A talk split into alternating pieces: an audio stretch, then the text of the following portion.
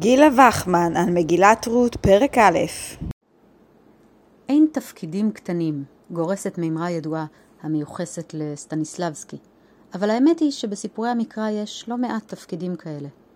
אחד מהם הוא תפקידה של עורפה, שבניגוד לרות איננה בוחרת להצטרף אל נעמי בשובה ליהודה. עורפה פועלת כפי שמצופה מאלמנה צעירה המבקשת לשקם את חייה. היא נושקת לחמותה ונפרדת ממנה בכאב. תפקידה במגילה מסתיים בפסוק י"ד, והיא יורדת מעל הבמה זמן קצר לאחר שהופיעה.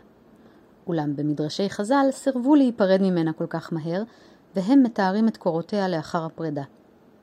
לא מפתיע לגלות כי המסורת המדרשית רואה בעורפה, בהיותה דמות ניגודית לרות הצדקת וגומלת החסד, אישה מופקרת ובזויה.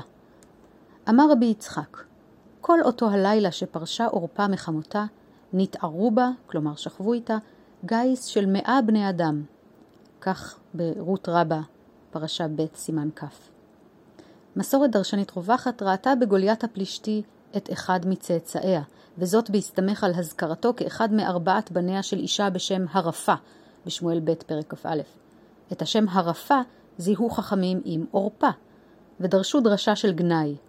כתיב הרפה וכתיב עורפה. רב ושמואל, חד אמר הרפה שמה, ולמה נקרא שמה עורפה, שהכל עורפין אותה מאחריה, וחד אמר עורפה שמה, ולמה נקרא שמה הרפה, שהכל דשין אותה כהריפות.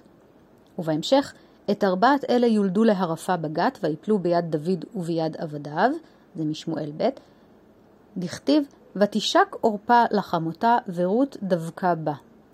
אמר רבי יצחק, אמר הקדוש ברוך הוא, יבואו בני הנשוקה, ויפלו ביד בני הדבוקה.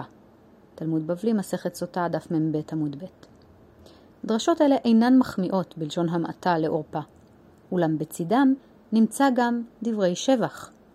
דרש רבה, בשכר ארבע דמעות שהורידה עורפה על חמותה, זכתה ויצאו ממנה ארבעה גיבורים.